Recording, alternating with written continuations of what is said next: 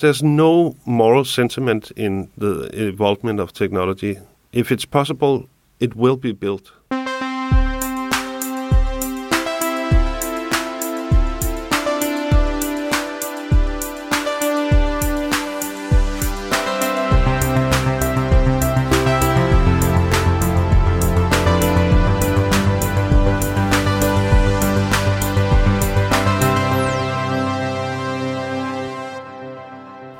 And welcome to Heja Framtiden, the Swedish podcast on the future. Normally, we try to keep a very light and optimistic view on the future, but sometimes it's uh, fun to dive into an ocean of dystopia. And today we're going to do that with uh, the Danish writer and author Kaspar Colling Nielsen. We met him here in Stockholm when he was doing promotion for his new book, European Spring, Den Europeiska våren. So if you're up for something a bit darker than usual. Please keep listening. My name is Christian von Essen, and uh, everything you need to know can be found on hejaframtiden.se. Support our work on Patreon, follow us on social media, and make sure to share the uh, episodes you like with your friends. There are a few English episodes now out. You can find them on Spotify or iTunes or whatever you find your podcasts. All right. Please welcome Kaspar Colling Nielsen. Okay. Yeah. Uh, welcome, uh, Kaspar Colling Nielsen to Heja Framtiden. Thank you. And uh, welcome to Stockholm. Thank you. You're here to promote your new book uh, called Den Europeiska våren, Yeah. European Spring. Yeah. How would you describe um, your work, or why did you write it in the first place?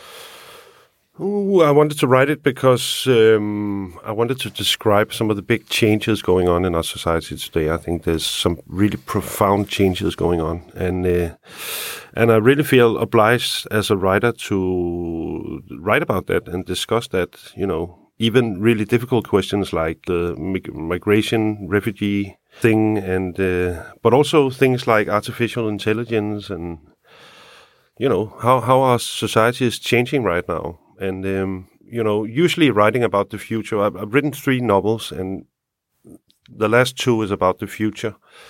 And uh, obviously i don't know what's going to happen you know but i just like you know taking some of these tendencies you see in society today and sort of enhance them and and you know try to think about what will they grow to become and how will that affect and change our society and change us as human beings? I, I think that's really interesting.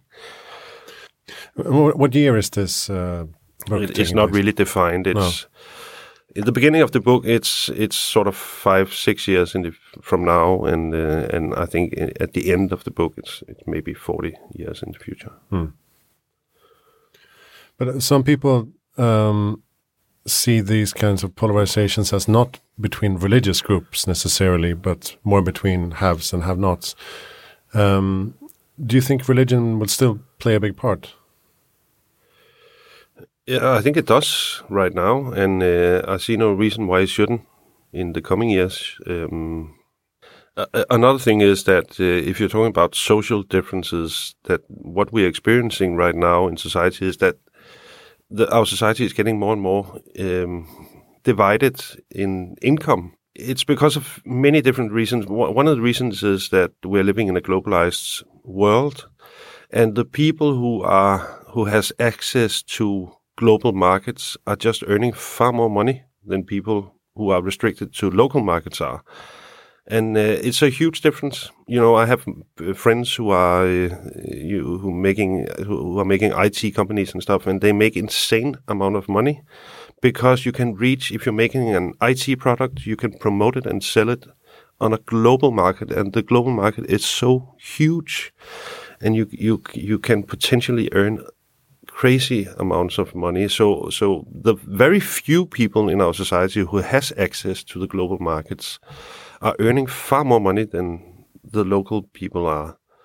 And uh, that's one of the differences. Uh, another driver in the inequality in the world, growing inequality in the world, is uh, is the whole financial industry and the way that works. But I guess maybe that's a different discussion. But it's really become counterproductive in in the societies for the societies. And another theme uh, that I recognize in the book is some sort of clash between the progress of humanity and the sort of um, animal instincts and uh, the nature that you cannot really tame one hundred percent. Yeah, it's it's really a book about. I wanted to write about um, a society that becomes more and more dehumanized, where our humanistic values are deteriorating and and less and less important and questioned more and more. And uh, I think that's a really recent thing. I think ten years ago it would be completely uh, impossible to think of any kind of politician uh, denouncing the, uh, for instance, the uh, refugee convention or the human right, rights declaration. But we see that today all over Europe, uh, and it's really, you know, the problem with that is is that the Human Rights Declaration uh, is is not just a, a document; it's it's the culmination, sort of, of 250 years of humanistic traditions in in Europe, and it's really sort of criticizing our fundamental values in in Europe, and that's the whole. That's the that's the really interesting thing that I wanted to write about. That it seems to me that there is some ideas that's been really fundamental and underlying our modern societies that are compromised today. And it's our hum- humanistic values, it's our belief in technology, uh, it's our belief in uh, in the rights of every human being. That every human being is deserves, you know, have a claim on on certain rights. And it's the also the idea of art is also dying right now the whole idea of art as something sublime. And I guess people may may think that that's not important, but I actually think it's important. But that's because that's been art has been something we have been striving for as a society. It's sort of it it has been the non-religious secularized way of striving towards something that was spiritual and and that's also dying as I see it, we're seeing some fundamental ideas that has been very stable and underlying our modern societies that are now eroding. And that's why everybody has the feeling that every, everything is shaking right now and everything is so insecure and everything is possible somehow. And, and you can imagine things now in society uh, that was impossible 10 years ago. 10 years ago, if people were saying you would see huge fascist movements in Europe in 10 years' time, everybody would have said, "You're you're crazy. We're past that time." But now we have it. And uh, one thing that's uh, very um, striking is is the the character's search for meaning and purpose, um, and that's something that uh, many people here have been discussing as well. That we we need to find meaning and purpose in our lives, and and in your book uh, they try to find it in in uh, sex or in uh, um, money or in uh, science or in uh, one girl has an eating disorder, um, almost trying to find some kind of meaning in that. and, and then she decides to help refugees and she finds meaning in that. Is that something we need to um, address? The the sense of uh, purpose in in our Yeah. society. Yeah, I, I think the sense of purpose is is is sort of changing changing if the, the the purpose really they find in my book is is really some sort of uh, aesthetic purpose or aesthetic driven purpose even the moral the way they think about morals is is is also from an aesthetical point of view and and they're, they're building artificial sort of nature and and uh, really nice uh, villages and stuff like that. That's uh, aesthetic on a very high level. Even uh, they even you know try to um make the most uh, beautiful sounds. So, uh, in, in uh, so, so you can't drive with a car in the city, for instance. Uh, you can only drive uh, ride by horse and stuff like that. Now, this is an utopian island of Lolland. Yeah, so I, I guess the purpose they have is is really driven by making life sort of nicer, and uh, but then there's also a story about technology that's very important because I think technology is, today is extremely important, and and the really one of the progressive forces today in today's society is is the all the new technology that comes all the time and changing everything. There's this German philosopher called Peter Sloterdijk, and he said recently that in the 20th century, the people were the progressive forces in society. We, the people, were changing societies. We were, as workers, we were fighting for rights. As uh, we got involved in politics and fought for a different, more fair, equal society and stuff like that. But he says today the progressive forces today is technology and uh, capital management. And we, the people, are sort of sitting on the back seat trying to understand what's going on and trying to adapt to the new situation. But we have no real say in what's in the changes changes that that's going on. And I think a, a, a really recent example of that is the coming of uh, social media as a new technology that has really changed our society and is changing our the way our democracies are working. And, and you know, nobody saw it coming. So uh, you have these hundreds of thousands and millions of people gathering on the social media, and nobody knows, nobody understands what what's going on until you have a president like Donald Trump, or you have Brexit, or uh, but also other movements like uh, Me Too and uh, all the identity politics going on today. I think is is getting enhanced by the social media, and um, and we only understand it afterwards, you know. But how can we uh, regain the control? How can we take uh, back the driving driver's seat? I think that that's very difficult to uh, to even have any kind of idea of how that should happen. We we sometimes have a tendency, especially I guess in Scandinavia, to discuss technology as something that we uh, we we discuss it as uh, is this good or is this bad? Should we have this or sort of should we not have it? But the thing with technology is that, you know, if it's possible, somebody will build it, you know, and, and there's nothing you can do about it. And, um, and another thing about technology is there's no plan. There's no, it's not based on any kind of ideology or political movement or on a certain, you know, view on human beings or, or stuff like that. It's just technology, you know, like a smartphone. It, it just, if it's selling, it's great, you know, and people will sell it and people will buy it and it'll completely change everything. And the implications of the smartphone, for instance, nobody knows, not even Google or Facebook or Apple. Nobody knows the implications of these new technologies coming all the time. It's just something that's arriving in society, and the changes are what the changes are, and and all we can do is trying to understand what the changes are. We can sort of. It's really difficult to change the implications or affect the implications as, as a citizen or as politicians. It's really difficult.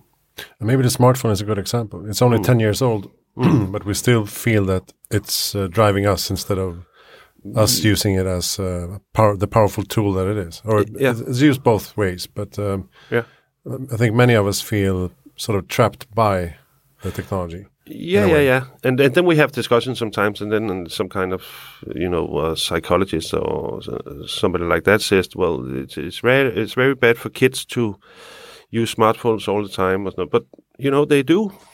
There's nothing you can do about it.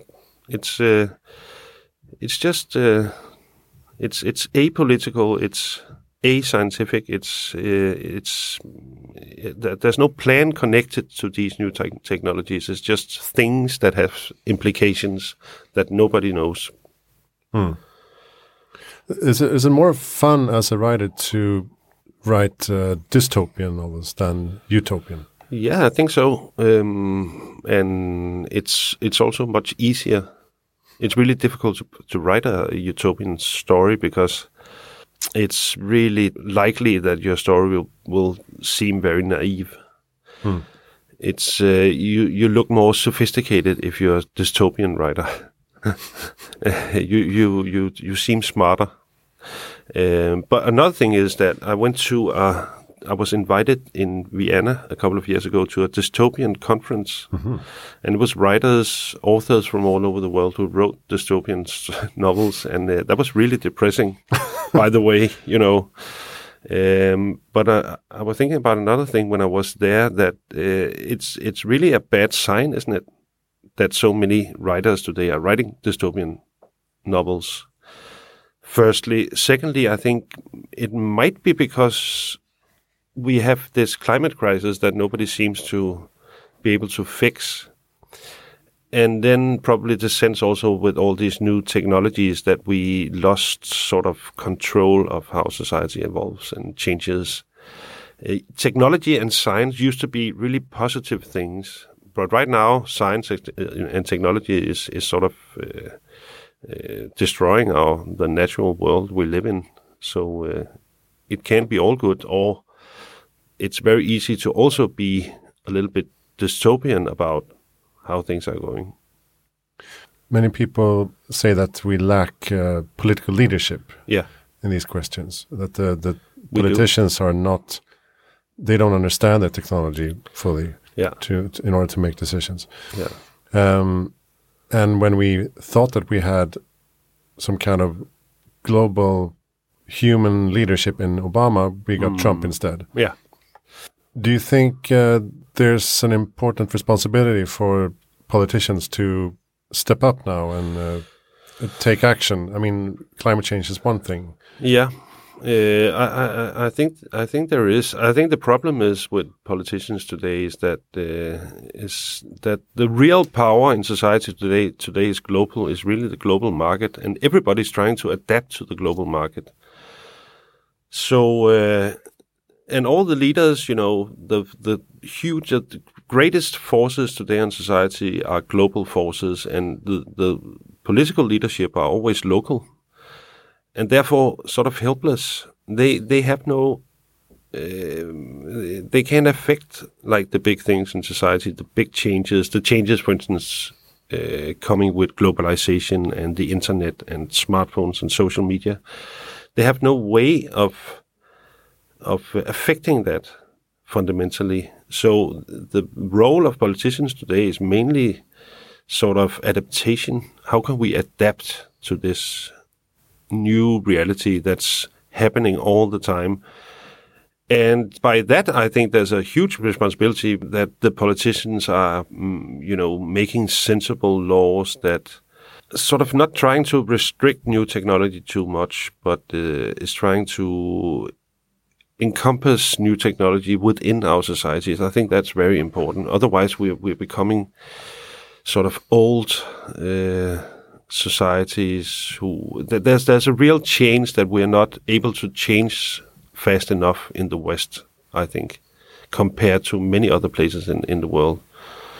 Uh, because we are conservative societies and we have really strong democratical institutions that are not willing to change at all. For instance, I think like Uber, Uber was introduced in Denmark a couple of years ago and then it was made illegal for tax reasons. And I think it's sort of a reasonable argument that it was made illegal, but the problem is that Uber is still going to exist. It's just going to have a different name. You know, the day Uber closed, five other companies who, you know, uh, had the same service appeared, and uh, so it's you can't change this you know all these new technologies coming all the time or these new possibilities it, it's it's real and it's happening and it's possible and people are going to take advantage of it if it's possible. And then it's up to the politicians to make you know sensible laws and agreements that uh, so we can encompass these new technologies in a reasonable way in, in society i think. Uh, isn't, isn't uh, education uh, an important key as well to um, to sort of overcome polarization and uh, uh, religious extremism?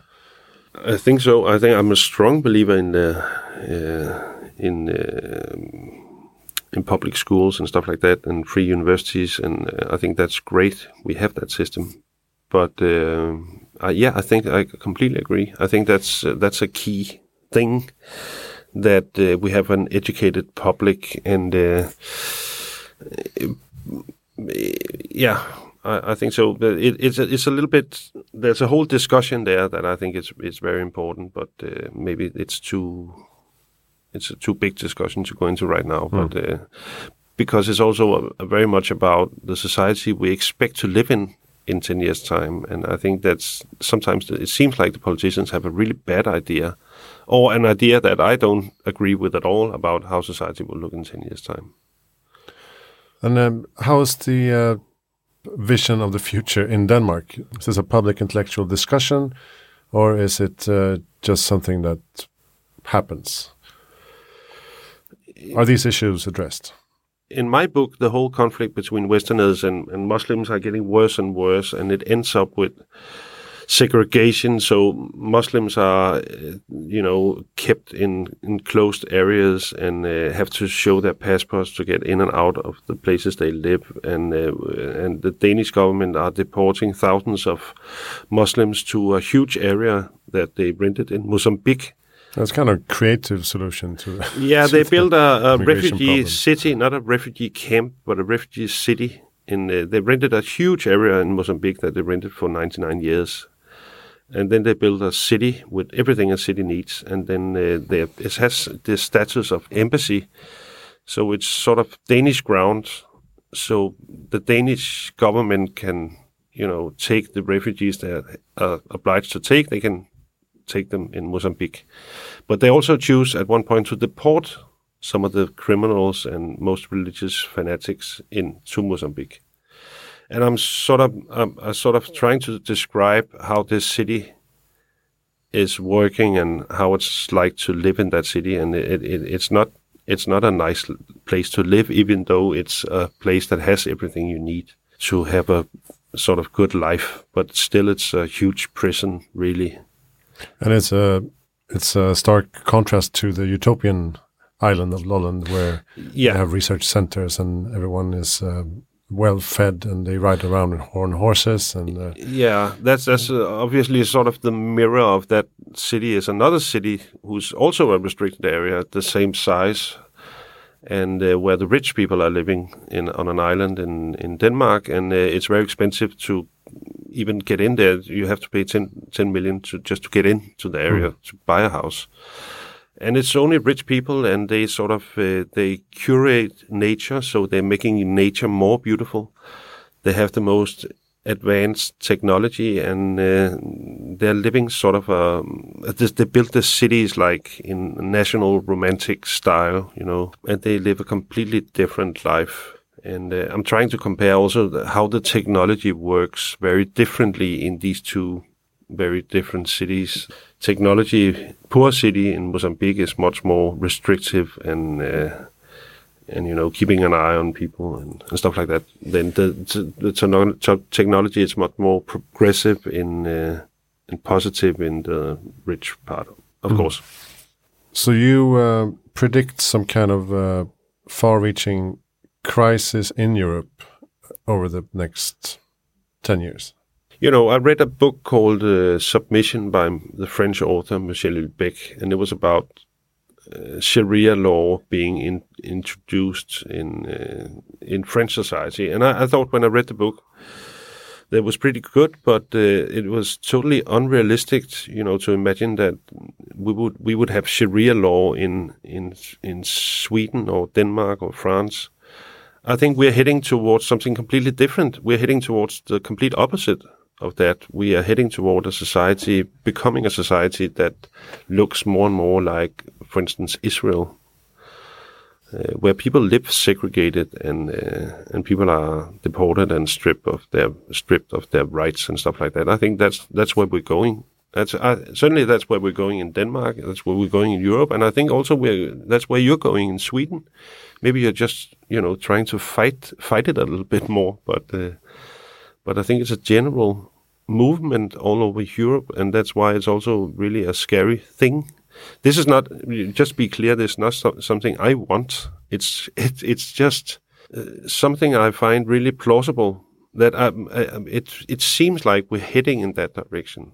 Hmm. So how can we uh, stop this from happening? You think? I don't know. I, it's uh, the problem is the the our our humanity really in in in Europe are, are really compromised these years because it's not. It's really difficult to use our humanistic values to sort of administer what is going on, the changes that's going on right now in our societies, and uh, we really, really need a new enlightenment, or at least some new, some, uh, some sort of brilliant philosophers who can come and tell us all you know, how to make sense of all this that's going on right now. Because we used to believe that people have had rights just because they were human beings.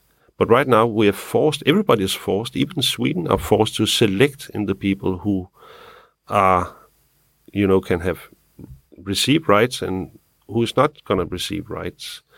And it's impossible not to make that selection because there's so many refugees in the world. There's so many migrants in Africa from, coming from Africa. It's it's impossible not to make that selection. On the other hand, you know, I think our our humanistic values and even our liberal democracies are under pressure because just ten years ago, everybody thought that if a third world country wanted to be a rich and wealthy country like the countries of Western Europe, you had to become uh, liberal democracies, and you even had to have our moral values also. Uh, but it turns out now in the globalized world we live in right now that that's not true.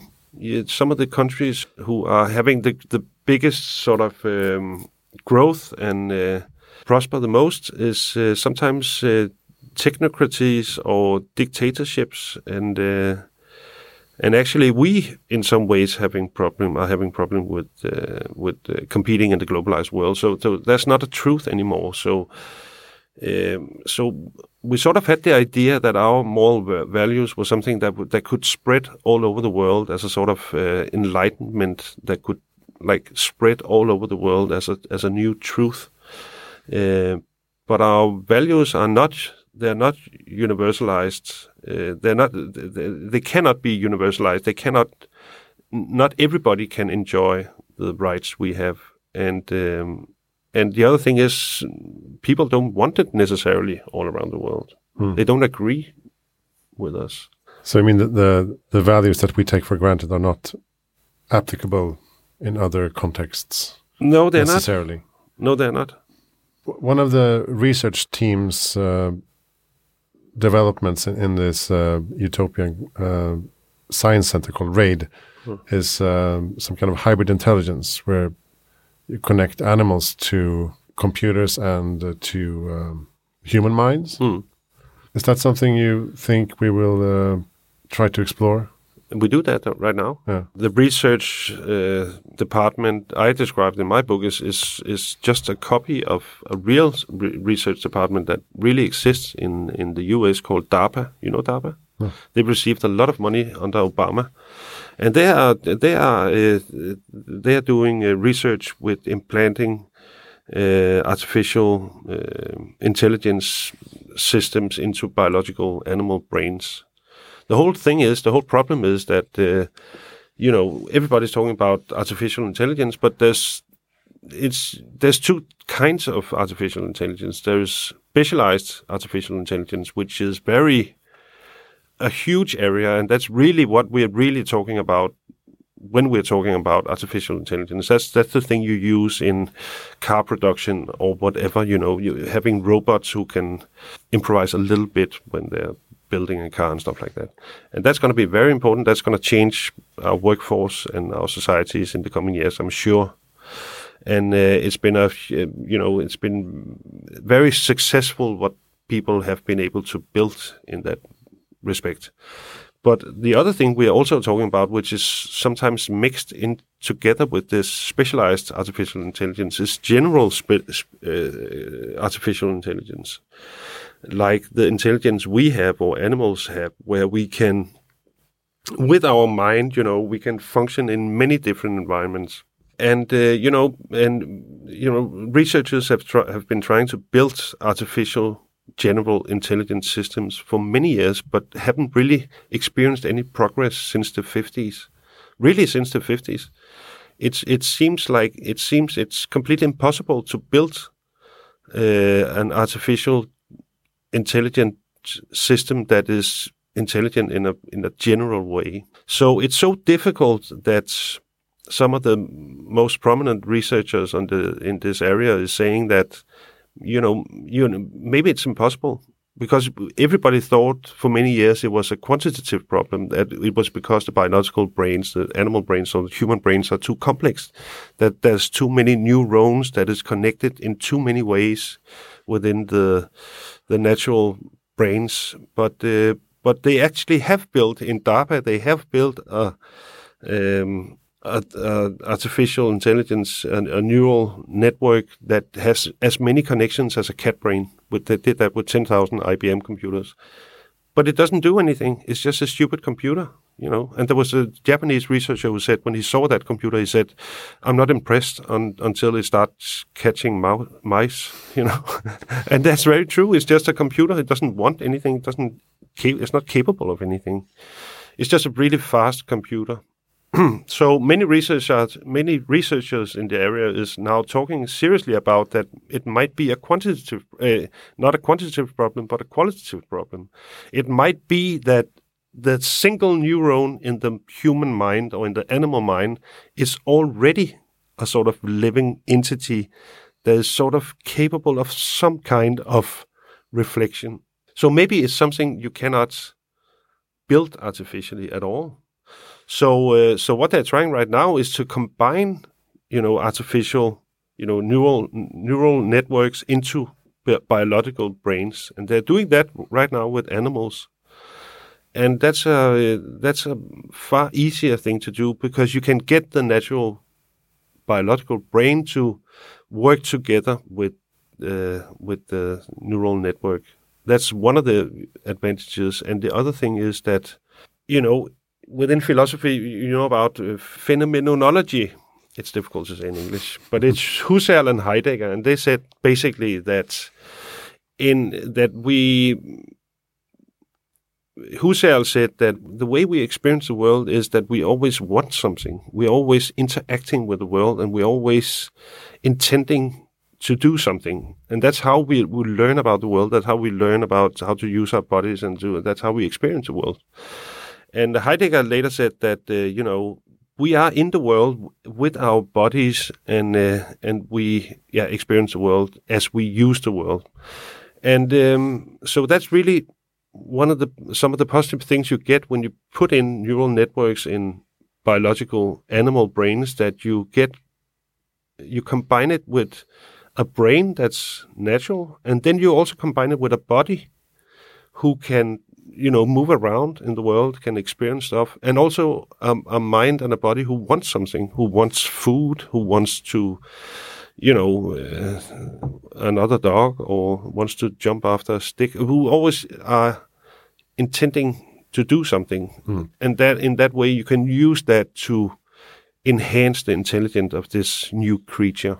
So the, I'm writing about that, but it's not science fiction at all. It's what's happening right now the reason why we sometimes don't know about these research places called, like for instance, DARPA, you can read out on, uh, about it on the internet, is that that it's in Silicon Valley, and uh, they sort of hire the best people within academia, and they hire the, these people, and they put them together in with the engineers and all sorts of other people, and uh, they are just doing research. They don't have to write articles. They don't have to teach anybody they get huge salaries, and uh, and so we don't know about exactly what's going on. You have to find out, you know, by yourself mm.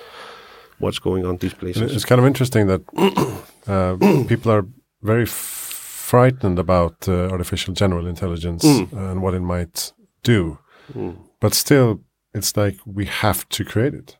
Mm. Why do we have to create it? Why is so much effort put into this problem? Be, be, because there's no moral sentiment in the involvement of technology. If it's possible, it will be built. Hmm. It, it's a waste of time discussing these things if it's good or bad. If it's gonna, if it's possible, it's gonna be built. It's like the atom bomb, you know. You know, Einstein and others went went around to politicians and said, "You can never use this, and you cannot build it." But of course, you know, if it's possible, you're gonna build it. But here's the recipe.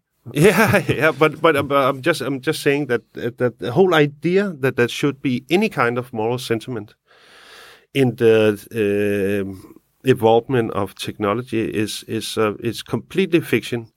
it's something that might be might have been a little more true in the old world, where the Western world was sort of the main place, the main driver of you know trade and power and money and new technology. Uh, but right now, this is this is a global thing. There's no control of anything. Uh, well, that's one interesting scene in the book when um, at this uh, RAID research center they're trying to develop uh, artificial general intelligence mm. and and uh, some kind of ethical team yeah, yeah, com yeah. comes in and says, uh, "What are your thoughts on the ethical implications of of this um, intelligence that you're building?" Yeah, and they said, "We haven't really started yet." Yeah. Well, it doesn't matter. What, what are what are your thoughts? Yeah. Where's your documentation? Yeah. And they said like, well, we don't have any. Yeah. Okay, this is not going to be a nice report that you no, no. get from us. but it doesn't matter what they write in their report. There's no way of controlling the way technology is evolving. It, it, it's a complete fiction. It's it's a waste of time to discuss things, things like that. But we do it all the time. But it's a waste of time. Technology is just happening. If it's possible, somebody will build it. And uh, if people want to buy it, if it's a smart thing, it will enter our societies and uh, have the implications they might have. And uh, nobody knows what the implications are. Nobody has any idea, not even Google. Everybody's talking about how smart Google is, but Google doesn't know anything about the implications of themselves. They don't know the implications of Google. Facebook doesn't know the implications of Facebook. You know, uh, Apple don't know the implications of Apple. No, nobody understands the implications. It's much too complex to figure that out. You mm. can only imagine stuff, you know, and then see how things play out, how that might change society, how that might change us as human beings, as, as kids, as families, you know. Maybe that's why books like this and um, discussions like these are important. I think so. I think so. I think that's why we see a lot of science fiction being written these days and science fiction movies and stuff like that because I think there's a huge interest in people, you know, drawing up different uh, scenarios of how the future might be. I think that's really uh, there's a need for that right now because it's everything is changing so fast, um, and it's really hard to get a grip on how you should look at society and how you, how you should look at different phenomena we see in society today. And you can only really understand some of these phenomena by trying to play them out in the future as a scenario, how trying to enhance what they what influence they might have on society and us as humans. I think I think that's why there's a big need for that right now. Hmm. But still, we as humans uh, we create the future together. And um, what do you think would be um, important in order to build a positive and prosperous future? I think really sincerely that globalization will stop within a few years because 90% of all the products we have here in the Western world is shipped, is moved by ship, by huge container ships carrying up to 18,000 containers, huge ships. And they're polluting crazily, these ships we're not talking enough, enough about how much they pollute, but they pollute crazily. These ships, they one ship pollute as much as all the uh, the cars in Sweden for a year. And if there is some sort of CO two toll that you have to pay, that uh, even though that might be very very small, that will completely stop globalization. That will mean that we cannot produce in Asia and ship everything over uh, for instance, in, in we have a lot of things that are, for instance, uh, in, in, in Norway, uh, a lot of the salmon that are fished in Norway uh, are, are being sent to China and then they're filleted in China and then they're sent back. Like things like that will stop, you know. Uh, I think uh, huge corporations like Nike and Adidas and whatever will will produce locally. They will produce where they're selling stuff. Mm. So if they want to sell, if they want to sell shoes in in Europe, they have to produce in Europe also. So I think what's going to happen in the coming years, that's just my view, is that uh, I think globalization will stop in that respect. In many, uh, eighty uh, percent of these things that are shipped right now, which is mainly crap, is uh, that that will stop, and then we'll start producing again on a large scale in Europe. I think we'll go from having a globalized world to a more regionali- regionalized world where we live, you know, the United States as an area and uh, Europe as an area and Asia as an area, which is only partly connected by uh, by trade, Hmm. mostly technology, but not not all sort of crap. I believe that will happen in, within a few years, and and I think it's a positive thing because that might give back the power to the political system that they have lost in the the last years. You you cannot fight a global market; it's impossible for any politician. But you can have a real say within your region as a European politician, and I think that's very important. And you can have a real competition between Asia, Europe, and the Americas. Uh, I think that will. I think we'll see a a situation like that. So production, I think, will come back to Europe, and I think that's it's a very good thing. There's also another really bad thing about globalization is that the whole idea that um, I used to teach for many years at the Copenhagen Business School, and the whole idea about every time you read an article about globalization, it said that well, we can produce in Asia, then we can manage and innovate from our offices in the West. But that has turned out not to be true because uh, innovation is very closely connected to production. And I'm not talking about innovation, I'm not talking about sort of marketing innovation, I'm talking about real innovation, new technology, uh, development of new, really advanced technology, like specialized AI. You cannot have that without car production, for instance. It's impossible to have that. You cannot sit here in Sweden or Denmark and make that up.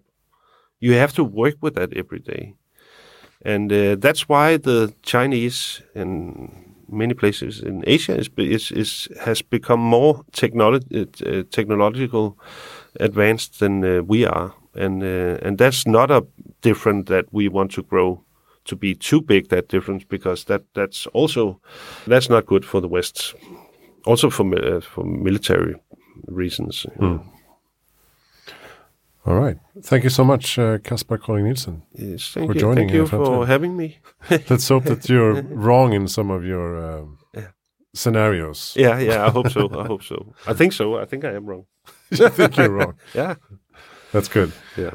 And uh, check out the European Spring. Is it in English anywhere? Uh, no, it's coming out in France and Germany also, and in a lot of other countries, but not not an English-speaking country for some reason. Not yet. Not yet. Okay. Uh, thank you so much for joining us. Um, Thank you. Everything you need to know is to be found on hejaframtiden.se. My name is Christian von Essen, and um, next time we'll speak about something else.